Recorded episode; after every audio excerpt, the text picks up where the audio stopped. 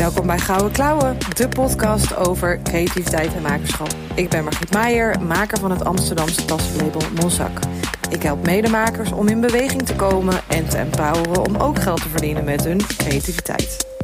In deze podcast spreek ik makers met gouden klauwen. Ze geven een kijkje in de keuken en vertellen over alle hordes op hun pad. Zoals geld verdienen, plut zijn, gebrek aan inspiratie, gedoe met klanten en kwetterende kwelgeesten. Welkom bij deze nieuwe aflevering van Gouden Klauwen. In deze aflevering heb ik Lars de gast. Eind 2017 begon hij een Instagram-account waarop hij startte met een bullet journal. Over de jaren heen werd zijn stijl kleurrijker en groeiden zijn volgers gestaag mee. Inmiddels is zijn hobby compleet uit de hand gelopen en wordt hij steeds vaker gevraagd voor, door bedrijven om art supplies te promoten en demo's te geven. Hij heeft zijn eigen bullet, journal uitgebracht. Deze komt waarschijnlijk ongeveer rond deze tijd in de winkels. Uh, en is nu de ondernemer in zichzelf aan het ontdekken. Leuk dat je er bent, Lars. Welkom. Dankjewel. Mooie introductie. Ja, dat is altijd leuk om, om, uh, om dat zo over jezelf, even je eigen leven zo opgesomd achter elkaar door een ander verteld te, te horen, toch? Ja, heel leuk. Echt uh, mooi opgesomd. Ik vind hem ook heel passend en kloppend. Gewoon uh, mooi gereserveerd vind ik hem ook. Echt heel leuk. Leuk. Hey, wij hebben elkaar zo'n drie weken geleden live even gezien op Creadoe. Ja. het was een grappig hoe je iemand dan op Instagram ontdekt en, en elkaar volgt en dan op een gegeven moment elkaar even in het echt, echt ontmoet. Hoe, hoe heb jij Credo uh, ervaren? Afgelopen Credo was echt, echt weer heel leuk. Het was nu mijn derde keer fysieke Credo, vierde keer Credo overall. Ik heb namelijk ook de eerste Credo dan online meegemaakt. Vanwege corona hebben ze toen een aantal edities ja, via een online platform gedaan.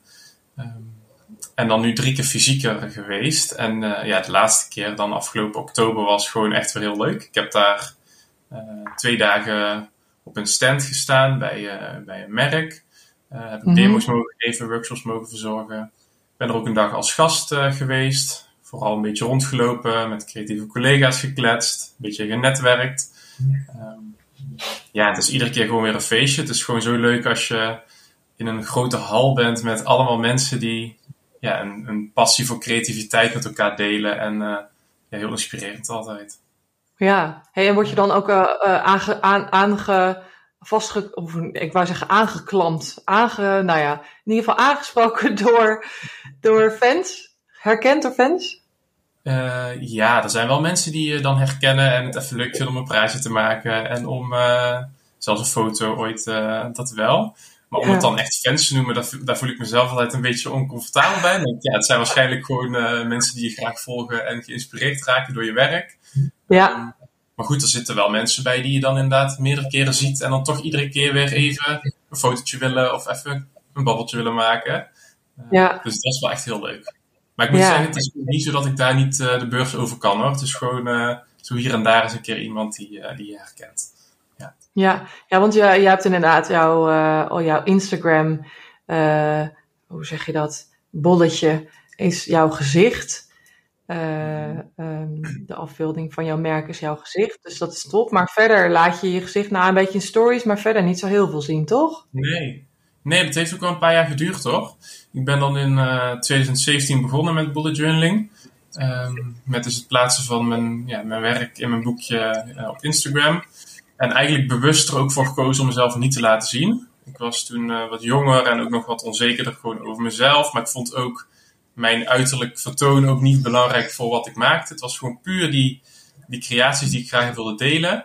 Um, en dat heb ik eigenlijk echt heel lang volgehouden. En op een gegeven moment kwam wel de vraag van... hey, wie zit er nou achter dat account? En ik merkte ook wel dat ik nou ja, mijn merk ook wat wilde gaan neerzetten. En dan hoort natuurlijk wel een bepaalde persoonlijkheid achter en een bepaald gezicht. Dus er toen is voor gekozen van, nou, dan ga ik mijn gezicht eens wat vaker delen. Maar dat is nog steeds altijd wel op de achtergrond. Ik vind vooral mijn werk heel belangrijk. Mm -hmm. En daar mezelf in een story laten zien, uh, hartstikke leuk. Maar om mezelf echt prominent op de voorgrond te zetten, daar ben ik denk ik toch een beetje te verlegen voor. Ja, nou ja, maar misschien dat het nog wel, uh, nog wel gaat komen. Hè? Dat is ook iets waar je denk ik dan weer in, in moet groeien. Ja. Een nieuwe fase waarin je uh, je gezicht meeneemt en, eh, en daar steeds comfortabeler bij wordt. Ja. Ja, en ik merk dus dat het ook echt wel werkt. Want nu heb je dus inderdaad echt mensen die op zo'n beurs denken van... hé, hey, die jongen heb ik op Instagram ooit eens voorbij zien komen. Uh, mm Of die op een beurs zien en zeggen... oh, ik volgde jou wel, maar ik had er eigenlijk nog geen gezicht bij. oh ja. En het dan eigenlijk juist heel leuk vinden om dan eens te weten wie, ja, wie daar dan achter zit. Dus nee, het, is, um, het is echt wel van toegevoegde waarde. Maar het is, blijft altijd toch wel lastig. Ja. Wat, wat voel je daar dan bij? Ja, toch een beetje onzekerheid of zo. Dat ik dan denk van ja, zitten mensen te wachten dan op mij als persoon? Ze zijn me toch gaan volgen voor ja, mijn, mijn creaties op Instagram. Of gaan ze me dan volgen ook voor mij? Dat, die behoefte heb ik dan dus niet zo heel erg om ja, dat te delen. Als ik mezelf ook laat zien op mijn stories, dus het gaat het ook altijd over uh, de creaties. Ik zal dan ook nooit zo heel veel delen over mijn persoonlijke leven. Dat vind ik dan toch ook echt wel een beetje lastig en soms ook niet helemaal nodig.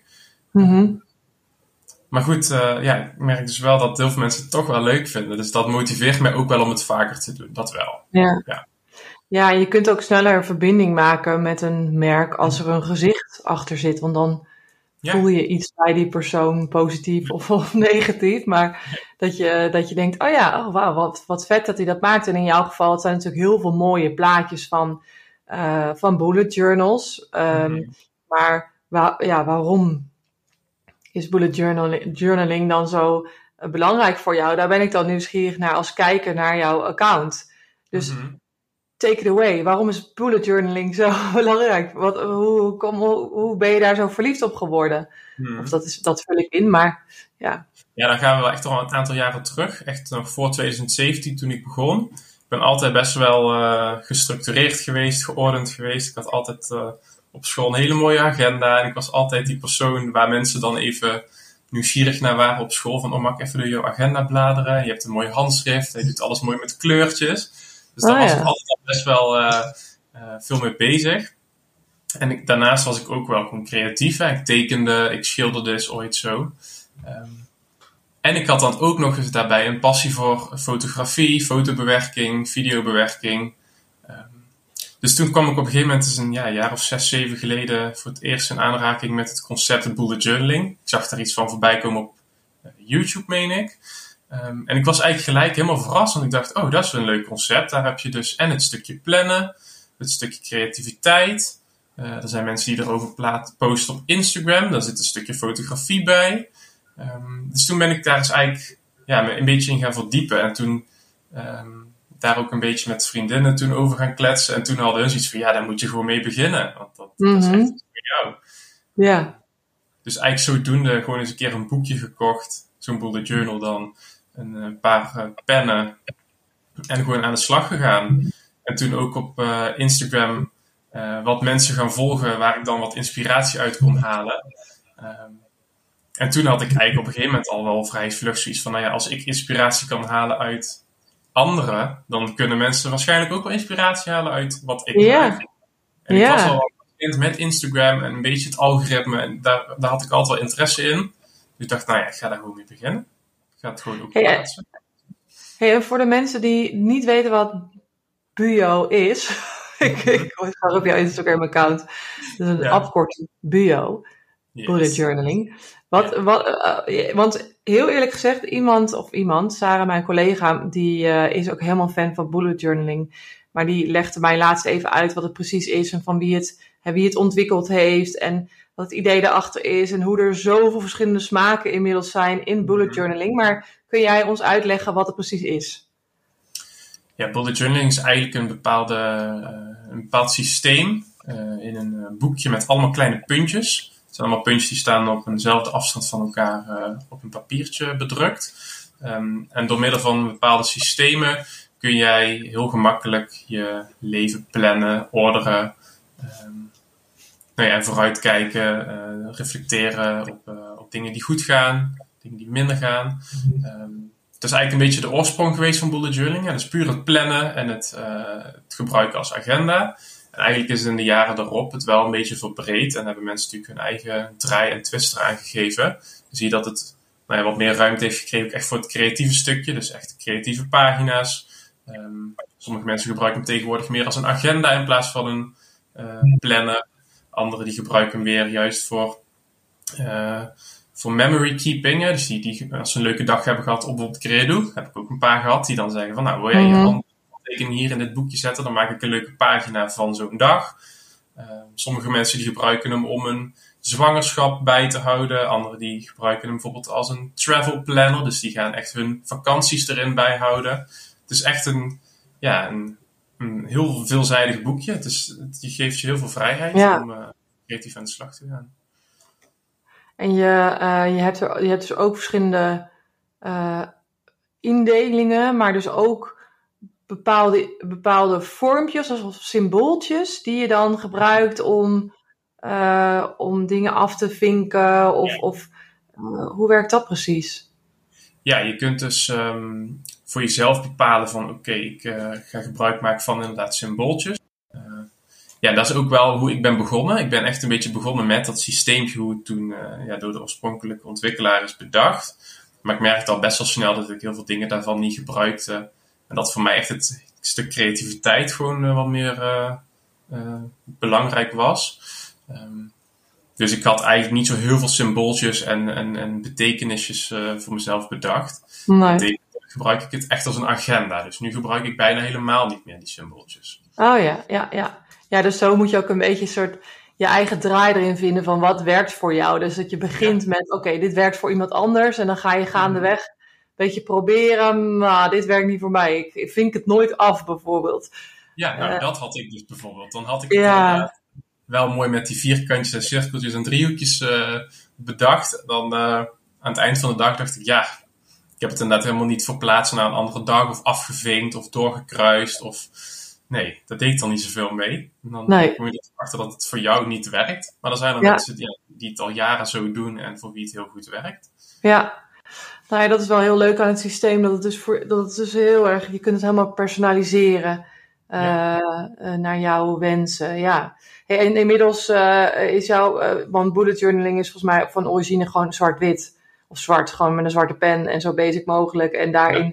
heb jij helemaal je eigen draai aangegeven met handlettering en illustraties. En ja. maak je het eigenlijk een stuk gezelliger. Ja. In allerlei verschillende stijlen ook.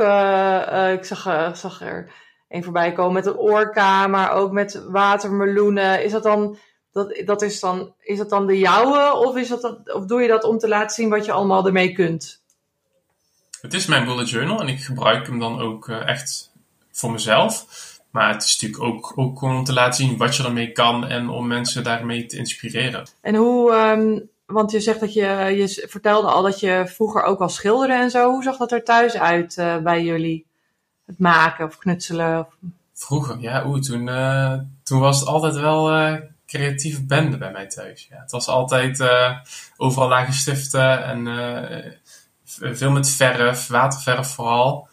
ik kan me nog herinneren dat ik ooit... Um, toen mijn ouders allebei ziek op de bank lagen, samen met mijn zusje, een soort techniek had ontdekt dat als je op een velletje met waterverf aan de slag ging, of aquarel, nee, wat was het? Volgens mij acrylverf of zo. Dan, en als je dan het velletje dubbel vouwde, dan kreeg je op diezelfde kant, op die andere kant zo mooi, uh, hoe heet dat, symmetrisch, wat je dan had, had gemaakt. En dat dan helemaal zo, ja, daar kwamen dan hele mooie vormpjes uit. En ik kan me herinneren dat het toen echt ja, echt tientallen van die tekeningen altijd aan het maken was. En altijd uh, met nieuwjaar, altijd al het vuurwerk ging tekenen. En altijd zocht ik dingetjes in huis om dan creatief mee aan de slag te gaan. Um, dus dat heeft er altijd wel ingezeten. Ja, altijd. Ook op school. En, en deed... Sorry? Oh, we hadden dan op school een, um, een, bijvoorbeeld een stijlschriftje. Ik weet niet of je dat kent. Dan moest je een... Uh, een gedichtje of een, een, verhaaltje inschrijven. En dan kon je aan de ene kant met lijntjes uh, dus een verhaaltje schrijven. En aan de andere kant had je een blanco papiertje. En dan mocht je dan een tekeningetje maken die dan liet zien waar het verhaaltje over ging. Ik kan me herinneren dat ik dan op een gegeven moment ook een keer iets over planeten en over het universum had geschreven. Had ik daar een best wel een uitgebreide tekening bij gemaakt. En dat heel veel kindjes in mijn klas toen al zeiden van, oh, dat is mooi. En dan gingen ze allemaal namaken. Ik oh. Eigenlijk zoiets had van, oh ja, mensen raken geïnspireerd door mij. En ik vond dat vroeger wel natuurlijk vervelend. Want dan dacht ik, ja, jij, jij, na, jij, jij doet mij na. Dat vond ik dan eh, niet zo leuk. Eh, maar toen zat het er dus wel in dat ik dus graag dingen maakte en, en het ook aan mensen liet zien. En uh, daar andere mensen mee wilde inspireren, dat wel. Ja, ja dus je, je merkte dat het ook iets deed met andere mensen. Ja, ja. Iets, ja, schijnbaar wel. Mensen vonden het ja. mooi om te zien. Die wilden het ook dan namaken. Ja. ja. Hey, en en uh, um, was er dan iemand die jou dat voordeed? Of, uh, of uh, misschien dan op school, maar thuis? Waren je ouders creatief? Nee, ik kom echt helemaal niet uit een creatief gezin. Dus het is ooit ook nog steeds wel eens de vraag van waar komt het vandaan? Mm -hmm. Ik weet dat het van mijn opa vroeger schijnbaar heel goed kon, kon schilderen en kon tekenen. Nou, die heb ik dan zelf nooit gekend. Um, maar dat is wel iets voor mijn gevoel wat een paar generaties heeft overgeslagen. Want als ik mijn vader of mijn moeder nu een pen geef en ik vraag teken een huisje dan, uh, of een poppetje, dan is het echt zo'n stokpoppetje. dus daar heb ik het dan weer niet van, nee. Nee, nee. nee. Ja, bijzonder. Maar het is wel fijn dat je in ieder geval juffen had of, of op school in ieder geval daarin, daarin werd gemotiveerd. En uh, de vrijheid kreeg. Want je, ik, ik spreek ook genoeg makers die... Um, wiens, wiens, dat er één juf is geweest of één meester is geweest die heeft gezegd, oh je kunt helemaal niet tekenen en dat vervolgens in iemands hoofd is blijven hangen en, en nooit meer een ja. Uh, ja, pen op heeft gepakt. Ja, um, ja want, want jij... Gehad?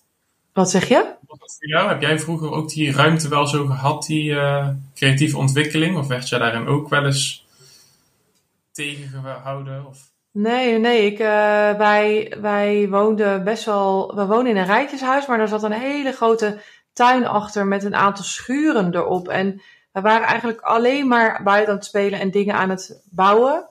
Uh, mm-hmm. Dus, dus veel, veel hutten bouwen en ja, die, gewoon rommelen in de tuin. En ja.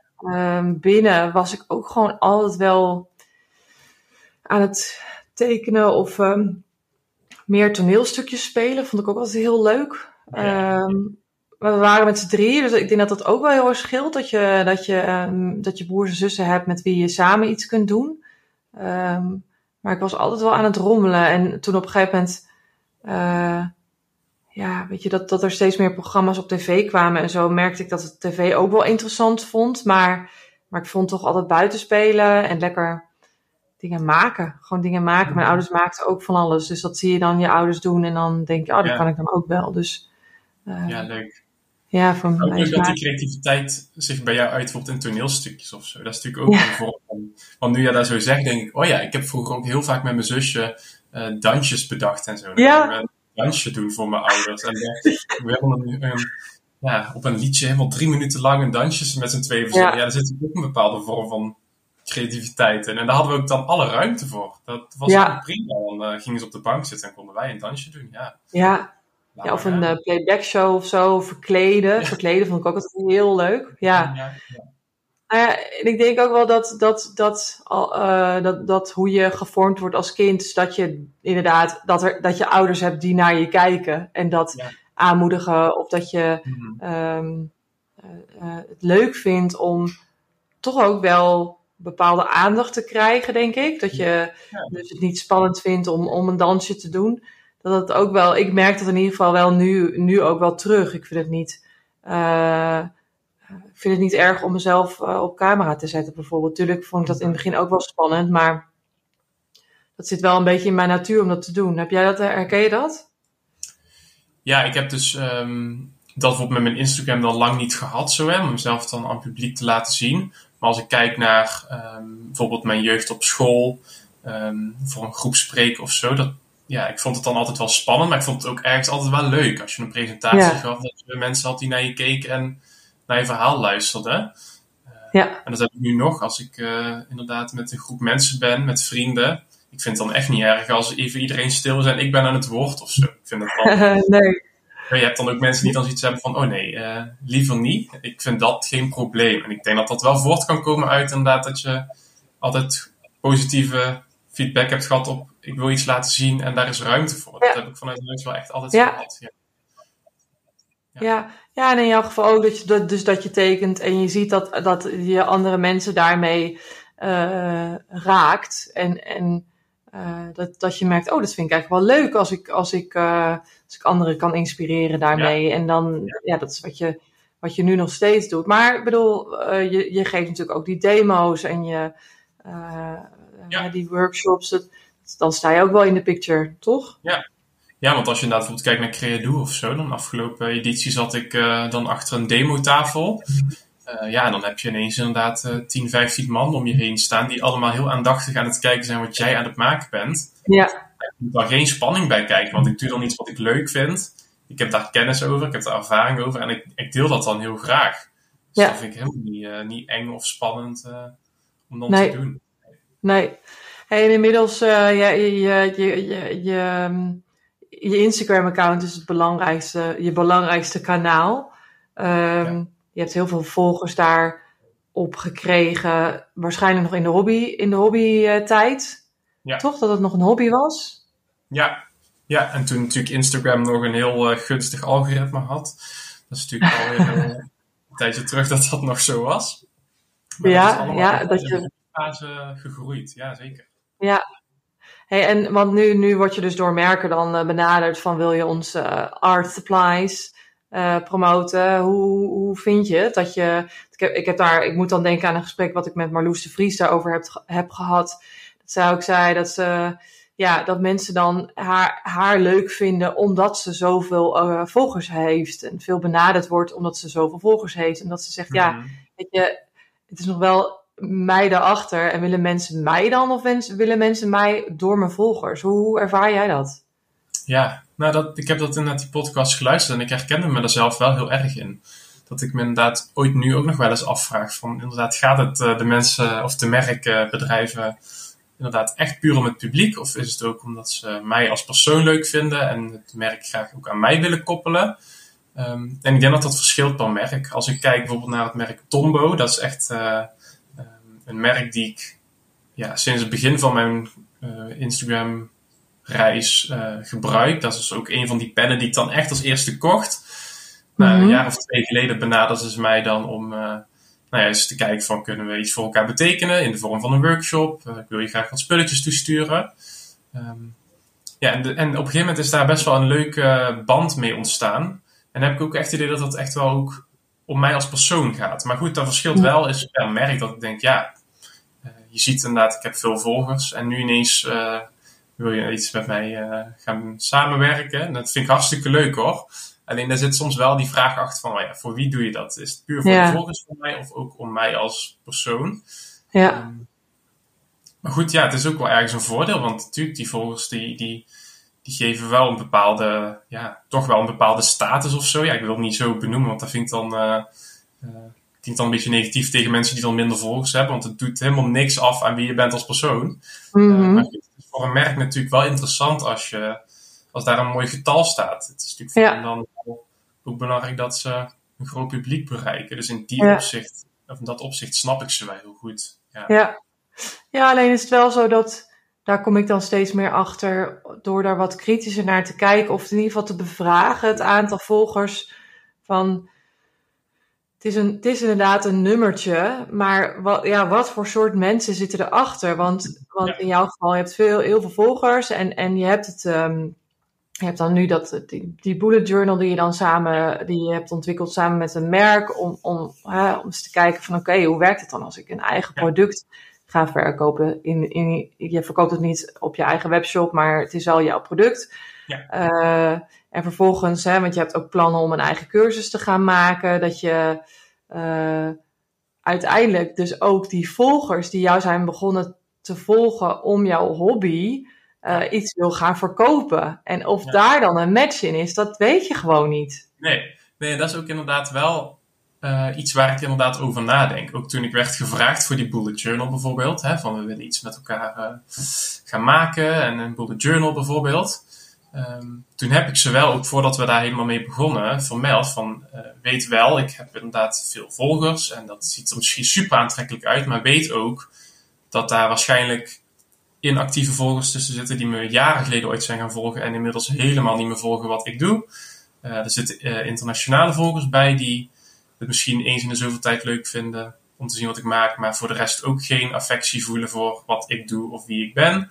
Dus ik hou er wel rekening mee dat dat niet meteen betekent dat dat product ook gelijk succes is. En dat, daar waren ja. ze zich wel van bewust. En dat is voor mij ook wel een van de redenen geweest om dan te zeggen, oké, okay, maar dan gaan we dit ook gewoon uh, starten. Ja. En dan gaan we zien hoe het loopt. Ja, ja. ja precies. En dan is het ook nog uh, een, een fysiek product verkopen uh, aan die groep mensen is dan ook weer anders dan wanneer je bijvoorbeeld een cursus zou maken over bullet journaling. Dat mensen denken, oh ik wil die watermeloenen wel in mijn bullet journal, maar hoe doe ik dat in hemelsnaam? Dat, ja, ook onderzoeken van is daar, is daar een match? Ja. Waar is de match precies? Ja, en dat is inderdaad echt die fase waar ik in zit. Dat ik dus nu aan het leren ben en aan het ontdekken ben van oké, ik heb dit aantal volgers en dat ziet er heel mooi uit, maar wat betekent dit voor mijn onderneming? Ga ik hier inderdaad klanten uithalen? Uh, zijn er echt inderdaad genoeg mensen die dan ook mijn producten zouden willen kopen? Ja. En dat, ja, ik heb het idee dat dat wel ervaring is. Want hoe is dat voor jou geweest? Ben jij eerst begonnen met het maken en verkopen en toen je social media erbij? Of heb jij eerst al een publiek opgebouwd en ben je toen het naar klanten gaan? Ja. Nou, ik heb dan, dan uh, ik heb natuurlijk tien jaar lang een product, een fysiek product uh, verkocht. Mm -hmm. Dus voor mij was de switch naar een online product uh, maken best wel spannend. En, en is het nog steeds, want een dienst verkopen is, en een online product verkopen is gewoon echt wel iets heel anders. En ik vind het ook wel uh, precies wat je zegt. Het, er is gewoon zoveel veranderd en er is zo ongelooflijk veel te, te krijgen. Ja. Uh, en je wordt, ja, je wordt gewoon doodgegooid met zoveel opties. En uh, ons, ons brein is helemaal niet daarvoor gemaakt eigenlijk. om, om mee te gaan met het, het, tempo van de technologie nee. tegenwoordig. Nee. En heel veel mensen uh, omdat er zoveel keuzes zijn, kiezen mensen niet meer. Nee. Dus heel veel mensen worden een beetje passief, omdat ze gewoon over, overspoeld worden door al die opties. Als ik alleen al kijk naar mijn Instagram-account uh, voor de makerscoach, want je ziet daar wel echt een verschil in wat, wat er in mijn feed voorbij komt dan, dan bij Monsac of mijn privé-account. Dat heel veel mensen bijvoorbeeld, ja, heel veel business coaches die uh, een, een, training of, of iets, iets, iets verkopen in, in de hoek business coaching. Ja. Um, in mijn geval verkoop ik eigenlijk een formule die voor mij heeft gewerkt als tassenmaker. Dus een maker die het spannend vindt om zijn eigen product te verkopen. Shit, hoe groei ik dan? Hmm, ik vind uh, de marketing tools die te vinden zijn online heel erg saai en stoffig. En past helemaal niet bij een maker. Dus ik maakte mijn eigen formule en die, die verkoop ik nu. Um, maar dan ja, is het gewoon wel echt een. Je hebt een zo'n lange adem nodig om echt een merk te bouwen. Ja. En, um, dus ik, ik, heb, ik, heb, ik ben dat Instagram-account van de Makerscoach uh, in 2020 begonnen. En, um, maar ik vond het heel spannend om daar in eerste instantie dus ja, dan op te vertellen hoe ik uh, tassen verkoop. In plaats van dat ik bij mijn zak vertel wat ik verkoop. Ja. Dus, dus, dus het is echt een andere, een andere kijk op de zaak. Het is echt een kijk achter de schermen. Maar ik heb dus eerst, uh, ben, ben eerst uh, die training. Het idee voor de training was, was geboren en toen ben ik eraan begonnen, maar toen ben ik hem al wel gaan verkopen. Uh, mm-hmm. Omdat ik dat ook wel anderen hoor, hoorde zeggen. En omdat het gewoon best wel een. Ik had me er wel een beetje op verkeken hoeveel werk het was om een online training te maken. Omdat je gewoon heel veel video's en heel veel. Ik heb dan, maak dan eerst een PowerPoint presentatie en dan neem ik die op uh, als video. Mm-hmm. Uh, dus to, en toen ben ik hem dus gaan, ja, ben ik hem gaandeweg gaan verkopen. En kwamen er, elke twee weken kwam er dan een nieuwe module bij. En ja, vervolgens ga je, dat is dan een eerste soort van pilotgroep. Ja. En dan aan de hand van hun feedback ga je dan weer een beetje fine-tunen. En, uh, maar wie waren die mensen? Waren dat al mensen die jou kenden van Monsac? Of die jou Ja. al een keer een tas bij jou hadden gemaakt? Of geïnteresseerden op dat gebied ook? Of wat, wat waren jouw eerste klanten dan? ja, dat waren allemaal mensen die mij via, want ik had het een paar keer via Monsac gedeeld, omdat ik daar gewoon veel meer volgers heb. En uh, um, daar uh, ja, kwamen vooral mensen die ik al wel inderdaad een tijdje al voorbij zag komen. Of, of inderdaad een, een klant, van echt een Monsac klant. Of iemand Mhm. die, wie, met wie ik dan wel eens contact had of zo. Het was een best wel een grote groep, een stuk of twintig mensen of zo. En mhm. ja, dat is heel spannend, want je gaat een soort nieuwe taal spreken eigenlijk. Het zal in jouw geval ook zo zijn, want het is eigenlijk precies hetzelfde. Want jij laat nu zien wat je doet en je laat het ook wel, of je, uh, ja, je deelt hoe jouw journal eruit ziet en je laat wel een beetje zien hoe je het doet, maar niet heel uitgebreid stap voor stap, toch? Nee. nee, klopt. Nee, dus dat is dus natuurlijk die, die, die, die, slag die je moet gaan maken van inderdaad laten zien wat je maakt naar ja, hoe ga je mensen meenemen in hoe je het maakt. En, ja. Uh, ja. Welke mensen gaan dat dan ook echt uh, van jou willen zien en willen volgen? Ja, ja en dus kopen. Ja, en, en, en, uh, en, en, ik eh, heb ook wel geleerd dat iedereen anders leert. Dus uh, sommige mensen, ja, sommige mensen die zitten echt in een, die zijn veel visueler, anderen zijn veel meer auditief of, of hebben echt het werkboek erbij nodig. En andere mensen gebruiken het werkboek helemaal niet, bijvoorbeeld. En, en ook in, in online trainingland wil je eigenlijk, ja, dat is gewoon Weet je, dat is door corona natuurlijk enorm uh, booming geworden. Een, een, een, een, thuis studeren eigenlijk. En uh, de, de, ik denk dat dat een beetje in het begin, nog voor corona, dat de kwaliteit niet zo heel erg. Dat daar nog niet zo heel erg naar gekeken werd. Maar daar wordt tegenwoordig heel erg naar gekeken. En dan het, eigenlijk het liefst ook nog de, uh, de mensen die dus de hele training afgerond hebben. Ja. Dus dat je echt die, die, die succescijfers van, van zoveel procent heeft de training afgerond. En ik heb wel eens ergens gelezen dat echt 90% van de mensen die in training koopt niet afmaakt. Oké, ja. Dus ja, dat is, ja, dat is... Ja. Maar ook bijvoorbeeld als ik dan kijk in het uh, creatieve wereldje waar natuurlijk ik in zit. En het gaat dan voornamelijk om uh, cursussen en trainingen op het gebied van echt illustreren of tekenen. Um, dan gaat het wel ook vaak natuurlijk om de reviews. En mensen moeten wel het vertrouwen gegeven worden van oké, uh, ik zie nu dat ik me kan inschrijven om dit te maken. Maar, maar kan ik dat ook? En als je dan al een groep mensen hebt die jou voor is gegaan en in een review uh, laat zien van oh, uh, dit is mij ook gelukt, terwijl ik helemaal die kennis nog niet had of die ervaring nog niet had, met, of met dit materiaal had gewerkt.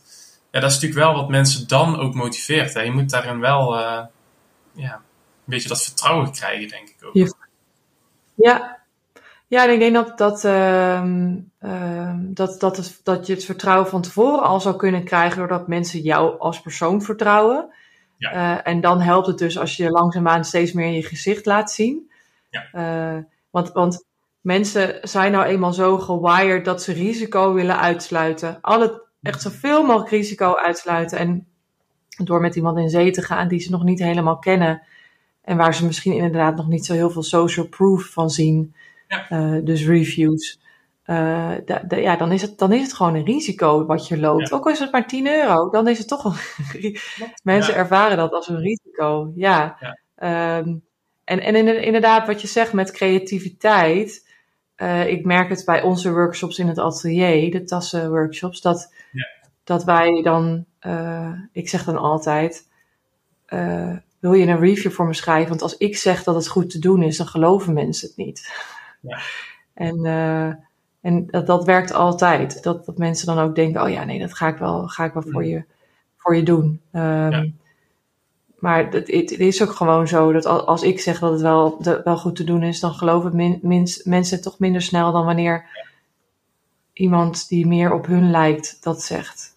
Ja, die opmerking herken ik wel inderdaad. Dat je dan uh, nou, inderdaad een workshop uh, gaat geven en dat je dan van tevoren al mensen krijgt die zeggen, ja, maar dat kan ik helemaal niet. En als je dan uh, die workshop een keer hebt gegeven en er zijn mensen die, die het hebben ervaren van, oh, maar dit is eigenlijk met een aantal simpele stappen. Je begint met de basisvorm en je gaat hem dan mooi uitwerken. Dan is het eigenlijk toch wel makkelijker dan verwacht. Oh, nou, dan moet ik het ook maar eens gaan proberen. Dat ervaar ik nu bijvoorbeeld op die Credo. Ik heb dan een aantal jaren daar uh, nu workshop op workshops op gegeven. Echt mensen die terugkomen, die zeggen van nou, ik heb hem de vorige keer bij jou gevolgd en het verbaast me dat ik toen heb kunnen maken wat, wat jij zou zeggen dat we gingen maken. En, uh, ja, ja, ja. Wel, dat, dat, geeft wel het vertrouwen, maar inderdaad, uh, als ik naar Out of the Blue ga zeggen van dit kun jij ook, ja, dan zonder reviews of ervaring van anderen. Ja, dat is, ja. dat is een hele mooie stap. Ja, ja. ja en dat, dat, dat, dat spelen wat jij, wat jij omschrijft ehm, in je jeugd, dat je gewoon gaat experimenteren en erachter komt dat als je dat papier op elkaar vouwt, dat je daar dus een heel leuk effect blijkbaar mee uh, kan creëren. Dat, dat, dat spelen, dat, dat, dat zit er gewoon niet meer in uh, bij volwassenen. Want, want nee. het moet gelijk perfect zijn en, uh, en, en je wil niet falen. En ja. komen, allemaal, komen allemaal kwetterende, kwetterende kwelgeesten ja. van vroeger weer omhoog. of wat denk je van vergelijken? Dat zie je dan ja. ook heel veel. Mensen die dan ja, die dan inderdaad jou of hun werk gaan vergelijken met die van mij of met iemand anders. En denk ik, oeh, dat, ja, ik snap hem ergens wel. Want ja, het is wel wat je om je heen ziet. En, maar goed, ja, die hebben dan misschien niet door dat daar toch al jaren ervaring onder zit. En ook uh, heel veel fouten onder zitten. Ja. Um, ja, dat klopt. En dat perfectionisme is dan ook echt wel iets wat volgens mij heel veel mensen uh, tegenhoudt ooit. Dat ze denken, ja, ik wil dit wel maken, maar als er een foutje in zit, dan is het gelijk verpest en dan uh, ben ik al niet meer gemotiveerd. Ja, ja, ja, precies. Ja, en dat is natuurlijk met, met, uh, met zoveel, ja, met tekenen ook. Want ik, ik heb dan op Credo bij Nienke Vletter een workshop ja, gevolgd. Ja, en nou het, zag, het zag vreselijk uit, maar ik, ik ja, je, dat, is het ook, dat is het ook nog. Je moet ook nog moeten bedenken geduld hebben om door te zetten. Dus geduld hebben om beter te worden en uren erin te stoppen en inderdaad te vallen, vallen en op, op te staan. Um, ik denk dat ook heel veel mensen dat niet hebben. Maar dat je dus inderdaad iets tekent en dan denkt, ja, maar ik, ik heb geen gum of geen ctrl-z knop. Nee, nee. ik herken hem ook hoor, want ik heb ook inderdaad wel eens dat ik iets in mijn hoofd heb zitten. Dan ga ik ermee aan de slag en denk, oeh, dit zei ik helemaal niet wat ik had gehoopt of had gewild. En dan, ik merk dan ook dat ik echt wel eens op zo'n punt kom dat ik denk, nou, laat maar. Ja. En dan, als je er dan toch doorheen zet, dan, ja, dan, dat zijn de momenten waarop je leert en waarop je ook leert van je fouten. En uh, ja. dat je dan misschien nu niet helemaal tevreden bent over je resultaat, betekent niet dat het, dat het een slecht werk is, want de volgende keer uh, gaat het misschien wel weer een stukje beter. En dat ja. is echt dat vallen en opstaan wat, uh, wat er echt bij komt kijken. Ook dat stukje handlettering, ja. dat is echt iets wat ik jarenlang echt dagelijks heb geoefend. En, ja, en altijd daarin mezelf heb moeten verbeteren en uh, mijn leerpuntjes uh, heb gevonden. En dan was ik ooit al heel tevreden en dan, dan was ik weer een paar maanden verder en dan keek ik terug en dacht ik, oh, was ik daarover tevreden? Want dat zou ik nou helemaal niet zijn. Dus je jezelf ook iedere keer nee. natuurlijk een hogere lat op. Dat is natuurlijk ook wel zo.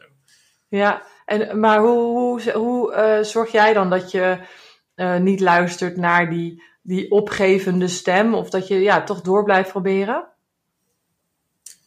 Um, nou ja, in het geval van handlettering, dat was gewoon ook echt iets wat ik heel leuk vond om te doen. Ook als het ooit mislukte of even niet helemaal precies ging zoals ik wilde. Het was altijd wel en nog steeds iets wat ik gewoon heel leuk vond om te doen.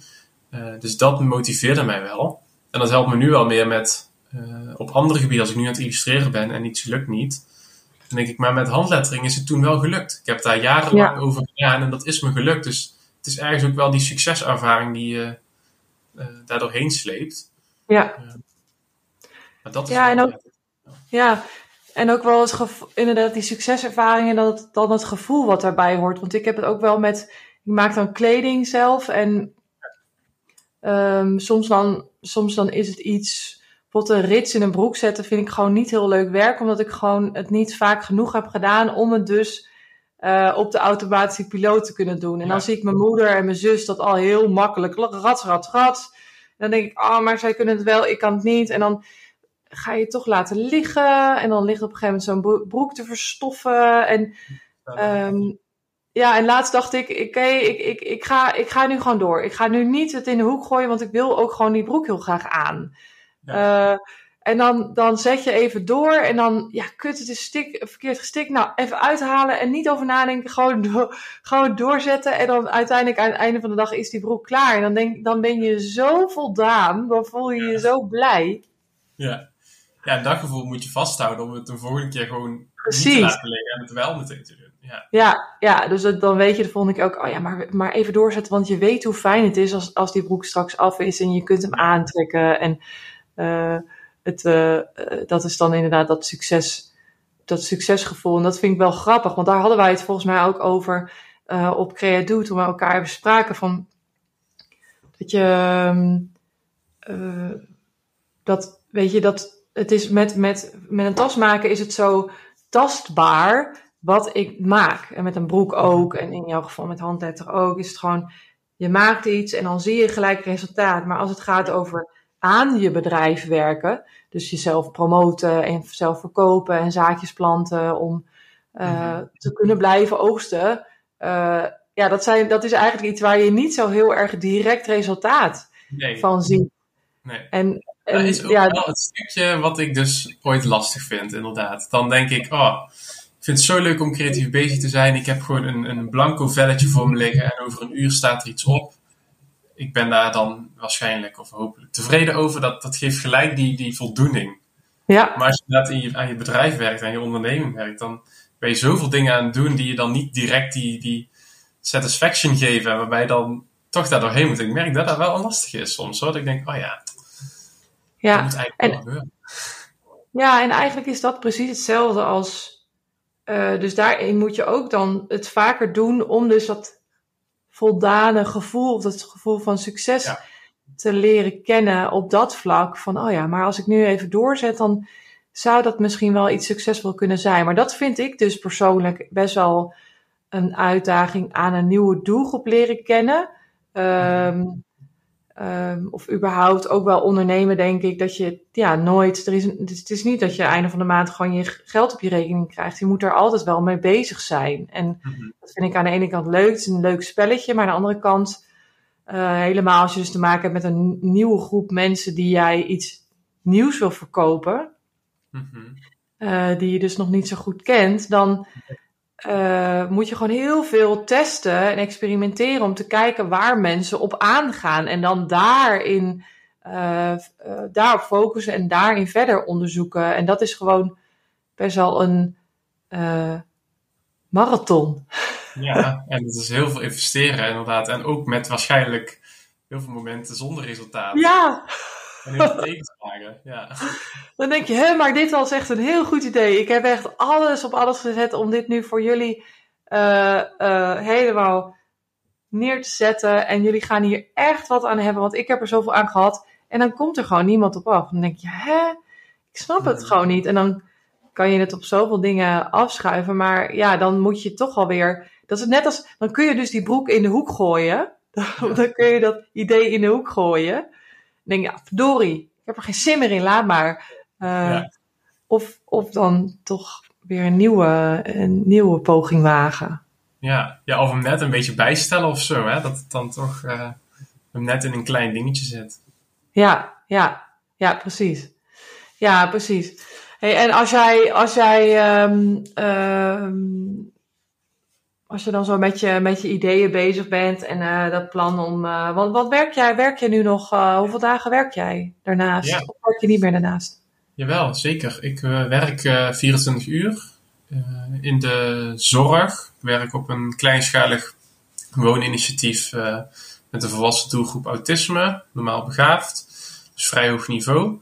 Um, en daar ook wel bewust voor gekozen om, toen ik daar startte, dat is dan nu een klein jaar geleden, daar parttime te beginnen. Ik had namelijk net mijn opleiding afgerond en het idee van, nou, ik wil toch ook wel graag iets met die opleiding doen. Dat was de sociale studies. Um, dus ik ga op zoek naar een, eh, een leuke baan, maar dan wel um, parttime. Omdat ik dus wel mijn nou ja, PLS Larsval toen echt nog helemaal opstartend was. Wat eigenlijk nog helemaal niet echt iets had gegenereerd. Uh, dat wel ruimte te geven. Dus vandaar uh, nou ja, ervoor gekozen om dat dan parttime te gaan doen. Ja. En dat komt dan ongeveer neer op drie dagen in de week dat ik daar werk. En dan probeer ik die andere twee dagen ongeveer uh, te besteden aan PLS Lars. Ja, nog eventjes, waar komt de naam nou ook weer vandaan? PLS Lars. het is ontstaan toen ik wat jonger was. Uh, toen ik heel vaak de afkorting Please gebruikte. Toen was het altijd in plaats van Please PLS. Um, en op een gegeven moment daar afstand van genomen op mijn uh, privé Instagram account. Want die heette toen PLS Lars. Uh, toen heb ik hem eigenlijk zo verschoven naar mijn creatieve account. Dan noem ik die mooi PLS Lars, lekker kort en krachtig. En toen op een gegeven moment, omdat ik daar best vaak vragen over kreeg en me een beetje schaamde als ik dat dan moest uitleggen, zoiets had van, nou, dan ga ik hem wat betekenis geven. En nu staat het dan voor plannen, letteren en schetsen. Dus een stukje bullet lettering en illustreren. Je hebt er een creatieve draai aan gegeven. Ja, een creatieve draai aan gegeven, ja. Ik doe net alsof het hoort. Alsof het zo Ja. Hey, en, en als je nou, want je zegt je werkt dan 24 uur, is het, zie je dat dan ook, uh, zie, je dat, zie je ook dat het op een gegeven moment dan minder gaat worden? Dat je fulltime met uh, Please Lars bezig bent? um, ja, ik vind het voor nu ergens wel lekker dat ik die uh, vastigheid toch heb in dat stukje parttime werken. Ik merk namelijk dat het stukje ondernemen wel natuurlijk onzekerheid met zich meebrengt. Van ja, kom ik dan mijn maand uh, door uh, met inkomsten? Mm -hmm. dus ik vind het voor nu echt heel lekker. En ik zou daar ook nu helemaal geen afstand van kunnen nemen. Want zo, zoveel brengt zodat Pelas Lars nog niet op. Daar kan ik echt nog niet van leven. Maar goed, er is wel echt wel ambitie. En dat ik denk van, het zou toch geweldig zijn als ik dit fulltime kan doen ooit. Of, of nog, nog meer kan doen. Dus die ambitie ja. is er zeker. Ja. ja. Nou ja, ik denk dat er ook wel zeker potentie in zit, omdat, er, omdat het zo specifiek bullet journaling is. Uh, ja. Je hebt natuurlijk een aantal uh, grote, grote namen om je heen. Uh, mm-hmm. Zoals Goudlijntjes en Nienke Vletter. Ja, en, dus die, die, die, die, die hebben al een stukje van de markt, maar, maar misschien niet in dat bullet journaling. Dus dat is wel heel interessant. Ja. Ja, hey, en, en,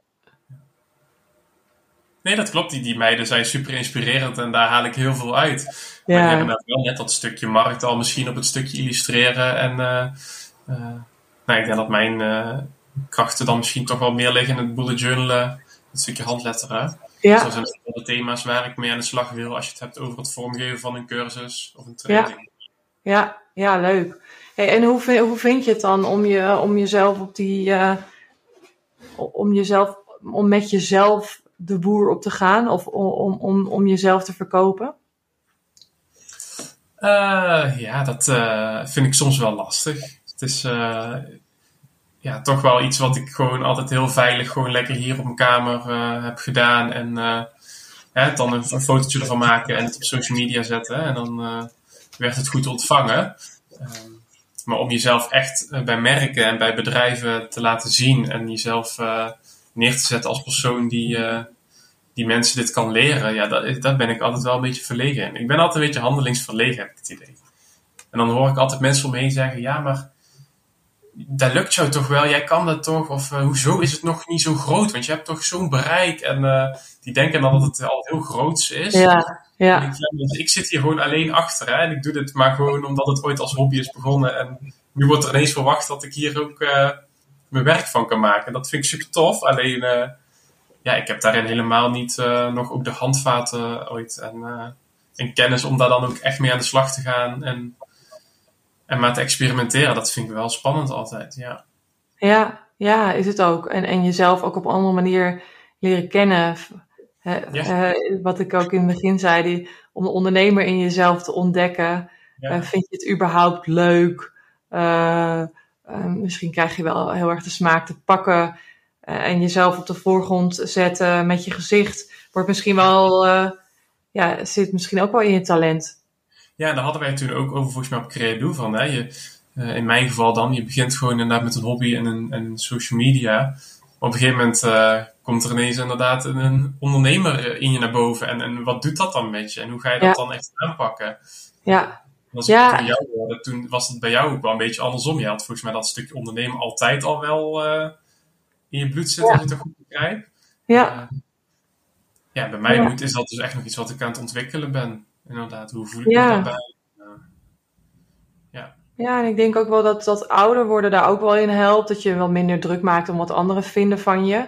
Uh, maar het, het, ja, het, het, is, het is niet dat ik per se uit een ondernemersgezin kom, maar wel dat ik altijd bezig was met dingen bedenken om ja, geld mee te verdienen. Maar niet per se dus om het geld, maar meer omdat ik het spelletje gewoon leuk vond. Mm -hmm, yeah. en, uh, en ik merk nu, nu ik dus dat, dat veel meer um, praktisch uh, verkoop. Dus ik geef toevallig morgen een masterclass, als je het nog leuk vindt om aan te sluiten.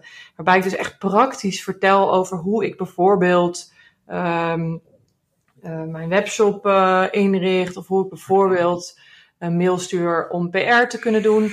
Want ja, je moet daar een beetje zo je eigen draai in vinden. En ook je eigen verhaal in ontdekken. Wat, welk verhaal heb ik te vertellen? Hoe zorg ik dus dat mensen mij gaan vertrouwen?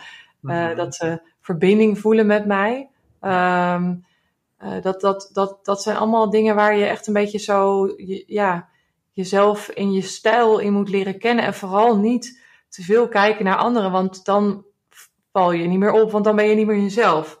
Nee. Um, maar het is, het, is, het is inderdaad iets waar heel veel makers niet bewust voor kiezen. Uh, om, omdat, omdat het vaak een hobby is die uit de hand gelopen is. Mm. En ze willen gewoon lekker maken, maar dat ondernemen, ja, dat hoort er nou allemaal bij. Maar het is, niet een, uh, een het is meer moedje dan, dan dat ze het leuk vinden. Ja. ja. nee, klopt. Zo ervaar ik hem ook soms. Dat ik denk inderdaad, oh ja, het, uh, het is al nu, ja, ik zit nu in een fase waarbij het erbij hoort, maar het is eigenlijk niet waar ik in de eerste instantie voor heb gekozen. Nee. Het is leuk dat het erbij komt, hè, want als ik het echt niet zou willen, dan zou ik het ook niet doen. Nee. Ik ken genoeg mensen die ook op Instagram een heel groot publiek hebben, maar het gewoon lekker houden bij uh, maken en het uh, voor de rest gewoon zo laten. En ik heb ja. toch wel dat, dat, stukje dat ik denk, oh ja, het ondernemen lijkt me toch wel heel gaaf. Ja. Het is niet iets wat ik... Ja, ja het, en dat is het... Nee, ja, en het, en het is ook, het is ook, uh, het is ook super leuk als je een beetje je, uh, ja, ja, je verhaal dus ontdekt en, en weet hoe je anderen echt kan helpen. En um, dan, dan, is het ook, dan, dan is het heel leuk om anderen te vertellen over dat wat je doet. Precies wat jij eerder ook zei, dat je, dat je over je passie deelt en dat je ergens zelf heel erg enthousiast over bent. Ja. Dat werkt al super aanstekelijk en dat je daarmee de ander ook enthousiast kan maken en kan verder helpen. Want dat is, dat is verkopen. Je helpt de ander uh, met iets wat jou heeft geholpen of je helpt de ander met een probleem die jij voor jezelf hebt opgelost. En je, je verkoopt de oplossing nu. Dus dat voelt ook veel minder pusherig of vervelend omdat, het, uh, omdat je de ander echt helpt. En, en daarbij vergeten heel veel makers dat je uh, echt elke dag zaadjes moet planten. Om dus constant omzet eruit te kunnen halen. En dat heel veel makers denken, oh mijn webshop, oh ja, daar heb ik al een half jaar niet, uh, niet uh, tijd aan, aan besteed. Oh, moet ik weer eens eventjes naar kijken. Ja, dan, dan, dan als je er aandacht in stopt, dan krijg je er ook liefde uit. Ja. maar dat zijn gewoon van die vergeten minuutjes. Ja. Hey, en, en um, ik vind het altijd leuk om het einde nog even te vragen naar je verdienmodel. Want daar hadden we het eerder ook over. Van hoe, je, uh, hoe, be hoe bepaal jij nou je prijs voor een, wanneer je een demo doet bijvoorbeeld. Of wanneer je een workshop geeft. -hmm, ja. ja, dat is dus inderdaad echt een beetje trial and error. Ik heb in het begin, um, ik kan me nog herinneren, toen ik dus wel al op Instagram groot was, maar nog niet helemaal niet echt door merken werd benaderd, heb ik ooit eens een keer iemand gehad die wilde een een illustratie van mij overkopen. Is wel een leuk voorbeeldje. Daar was een, had ik een bijtje getekend. En die wilde graag die illustratie op t-shirtjes gaan bedrukken. Dus die vroeg dan mij die licentie om dan dat uh, bijtje van mij te kopen. En ik was van, oh leuk, iemand wil mijn illustratie gebruiken. Dus ik thuis helemaal enthousiast. Ja, maar wat moet ik daar dan voor vragen? Want ik, ja, weet helemaal niet uh, hoe groot dat gaat worden. Uh, wat die persoon daar allemaal voor ideeën voor heeft. Dus ik kan me toen echt herinneren, en ik vind het heel lachwekkend als ik erover terugdenk, dat ik echt toen tegen mijn moeder zei van, uh, maar zou ik daar dan gewoon 2,50 of zo voor moeten vragen? Dat moet 250? Nee, 2,50 euro. Helemaal geen, geen besef van wat, hoe dat in elkaar zit. Hè? Dat mijn moeder toen zei, ja. nou, ik denk dat je misschien wel 25 kan vragen. Echt zo, hè? moet je nagaan. Hè? Oh, ja. Um, en dat ik toen op een gegeven moment volgens mij zoiets had van, nou ja, als diegene voor 20 euro voor overkopen, dan vind ik het prima. En ik heb uiteindelijk niet heel veel meer ervan gehoord. En volgens mij is het ook niet heel echt iets geworden. ik wil echt weer dat ik dus gewoon totaal geen idee had. Ja. Wat toen werk waard was. Want die foto was toen ook gewoon tienduizenden keren al bekeken. En heel vaak geliked en heel veel gereageerd. Um, dus ja, en dat heb ik in de jaren erop echt wel vaak meegemaakt. Dat ik dan uh, met een prijsvoorstel kwam, of een offerte bedacht, of een tarievenkaart had ontwikkeld. En dan helemaal had uitgedacht van oké, okay, maar dan ga ik dit vragen en dan uh, maak ik er een mooie pakketprijs van. Dan vraag ik net iets minder. En dan kreeg ik van de andere partij direct akkoord op het hele pakket of uh, op, de, oh ja, op het ja. bedrag. Wat dan voor mij echt gelijk zoiets was van oh, wow, dat, uh, ja. hoezo? Ik had het helemaal niet verwacht. Ik vond het al best wel spannend om te vragen. En daar loop ik nu nog wel eens tegenaan hoor. Dat ik dan denk van oh ja, ik krijg gelijk akkoord. Of het is helemaal geen probleem om dit te vragen. Ja ergens probeer ik me dan ook wel te beseffen van ja, het is, ik had er misschien iets meer uit kunnen halen, maar het moet ook een bedrag zijn waar ik mezelf prettig bij voel. Ja. En waar ik me comfortabel ook bij voel. Hè? Als ik hier uh, dubbele voor had gekregen, dan, dan waren de verwachtingen ook dubbel zo hoog geweest. Ja. Dus ik moet mezelf daarin ook altijd wel gewoon even terugpakken en zeggen van nou, ik heb nu dit gevraagd, ik heb het gekregen, super fijn. Die ga ik mee aan de slag. En uh, mocht er een vervolg komen, nou, dan kan ik misschien toch iets opschalen. Uh, ja. En dan krijg ik misschien een keer een nee, nou dan is het ook goed. Uh, dus daar probeer ik dan wel echt zo over na te denken. En het helpt ja. natuurlijk om gewoon jou, of in ieder geval mijn creatieve collega's, ook eens hier en daar een bericht te sturen van, oh, ik ben benaderd door die samenwerking. Ik heb gezien dat jij hier ook ooit mee hebt samengewerkt. Zou je iets kunnen vertellen over jouw tarieven toen? Uh, en dat, dat zijn wel echt hele waardevolle ja. gesprekken. Als je daar ja. wat uit Slim. Ja. En, En, en dat ook, probeer ik dan ook wel met, met creatieve collega's zo ook te bespreken van, want dat merk je ook wel vooral bij startende ondernemers, van uh, dat je zelf niet allemaal te laag inschat. Je moet jezelf wel samen sterk positioneren om, om serieus gevonden Ja. te worden. Want ik heb zo vaak gehad dat bedrijven dan zeiden van, oh maar als ik dit opstuur naar jou, dan maak je hier toch wel content over. En dan is het toch gewoon goed, want je hebt ook dit gekregen ter waarde van uh, niks bedrag. En uh, als je jezelf daarin niet zo sterk positioneert, dan blijf je ook maar als community een beetje dat, dat zachtaardige hebben. En daar moet je ooit wel, vind ik, wat sterker met z'n allen in staan. En Ja. besef van, we hebben ook iets te geven aan jullie. En uh, jullie krijgen hier ook heel veel traffic door. En de, de waarde van jullie product stijgt hier ook mee. Dus uh, op die manier probeer ik daar wel ook met collega's over te sparren. Ja, Ja, slim. Want, want ik, eh, ik zie soms ook wel eens eh, eh, eh, beginnende tassenmakers die dan een tas verkopen. Dat ik denk, ja, dit is, dit is echt, dit, hier kun je nog niet eens een uur mee betalen of zo. Weet je, dat, dat ik denk, ja, dat is zonde. Want daarmee verpest je ook een beetje de markt. Want daardoor denken mensen, oh, maar ik kan ook een tas voor 75 euro kopen. Ja, die 75 euro is niet een eerlijke prijs. Dus dat je nee. inderdaad je onzekerheid toch een beetje... Niet. Maar ook niet tegenover de anderen die een product Nee. aanbieden. En die, net als jou, eh, Ja. tassen pro- promoot of eh, maakt van een hogere prijsklasse. Dat is natuurlijk, ja, dat is ook voor die anderen niet, niet eerlijk natuurlijk. Hè? Dat, Nee. dat allemaal Nee.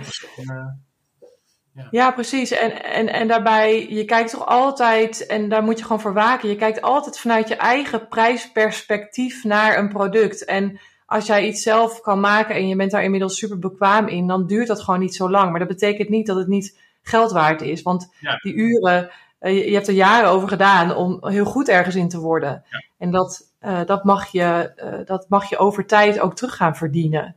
Ja. Ehm, dus dat, eh, dat is wel goed inderdaad, dat jullie dat zo samen, samen doen. Ja. ja. Hey, we zijn alweer aan het einde gekomen. De tijd vliegt. Ja, niet normaal. Ja. Hey, en ik ben nog even benieuwd, heb jij nog een, een, een dikke tip voor onze luisteraars? Oeh, um, ja, we hadden hem net al heel even kort aangekaart over dat stukje perfectionisme. Wat uh, veel mensen toch altijd wel last van hebben. Als ik ook een workshop uh, geef bijvoorbeeld, dan zie je altijd heel veel mensen heel perfectionistisch werken. Um, ik zou als tip en ook als advies en ook wel als reminder naar mezelf willen geven van, willen, meegeven, willen meegeven van, um, laat dat alsjeblieft iets meer los. Het is zo fijn en het verrijkt zoveel op het moment dat je dat stukje net iets meer kan loslaten. Want dat geeft je net een wat sneller, een prettiger resultaat. En uh, ja, ik denk dat dat wel echt een tip is waar, waar veel mensen iets aan kunnen hebben. En dat het eigenlijk oké okay is als iets net niet perfect is. Want een ander ziet dat toch niet. Ik heb dat vaak zat gehad dat ik dan zelf dacht, ik ben hier niet tevreden over. Ik zie daar een, een klein foutje. Een ander ziet dat niet. Een ander die kijkt naar het geheel, kijkt naar het resultaat, uh, naar het eindproduct. En, en daar mag jij tevreden mee zijn. Het is oké okay Ja. om, daar, uh, om dat perfectionisme los te laten. Ja, mooi. Ja, en voor mensen die, uh, want dat gaat dan ook meer over mensen die het verkopen, maar voor mensen die luisteren en gewoon lekker willen maken, ja, dan gaat het eigenlijk meer om het maken zelf Ja. dan om, om het eindproduct, toch? Dan is het meer de flow waar je lekker in komt Ja. of je hoofd leegmaken. Dat is ook belangrijk. Ja. Ja, geniet gewoon van het proces, zou ik zeggen. Het is uh, Ja. zo mooi. Het is inderdaad heel vaak gefocust op het moet een mooi resultaat zijn. Uh, Ja, ja. Moet het moet. Instagrammable zijn. Ja, het moet Instagrammable zijn, inderdaad. ja. Want het proces is zo belangrijk, inderdaad. Ja, ja maar een goede, goede tip. Leuk, dankjewel. Um, Nou, als je deze podcast hebt geluisterd en je denkt ik verkoop een product, maar ik vind het lastig, hoe word ik in godsnaam zichtbaar daarmee? Doe dan vooral morgen mee met de masterclass die ik geef, dus 29 november. Um, uh, geef ik een masterclass over hoe je meer zichtbaar kan worden en daarmee ook je omzet kunt verhogen op je webshop. Speciaal voor makers van een eigen product, door een maker met een eigen product. Dus ik deel al mijn kennis uh, en je krijgt een kijkje in de keuken van mijn zak. Check vooral de link in de show notes. Lars, superleuk dat je er was. Dankjewel voor je ja, verhaal. Voor de uitnodiging. Echt heel leuk en, om zo uh, met elkaar te kletsen over ondernemen. Ja. ja. Heel waardevol. Heel leuk. Top. En, uh, en als mensen jouw bullet journal zoeken, dan kunnen ze dat ook via jouw link in bio op jouw Instagram vinden, denk ik, of niet? Ja, ja dat top. is gewoon te vinden, ja. Leuk, nou dankjewel. En als je hebt geluisterd, geef vooral een, een duimpje omhoog of sterren. En uh, ik hoop je volgende week of volgende keer weer uh, hier te zien. Dankjewel.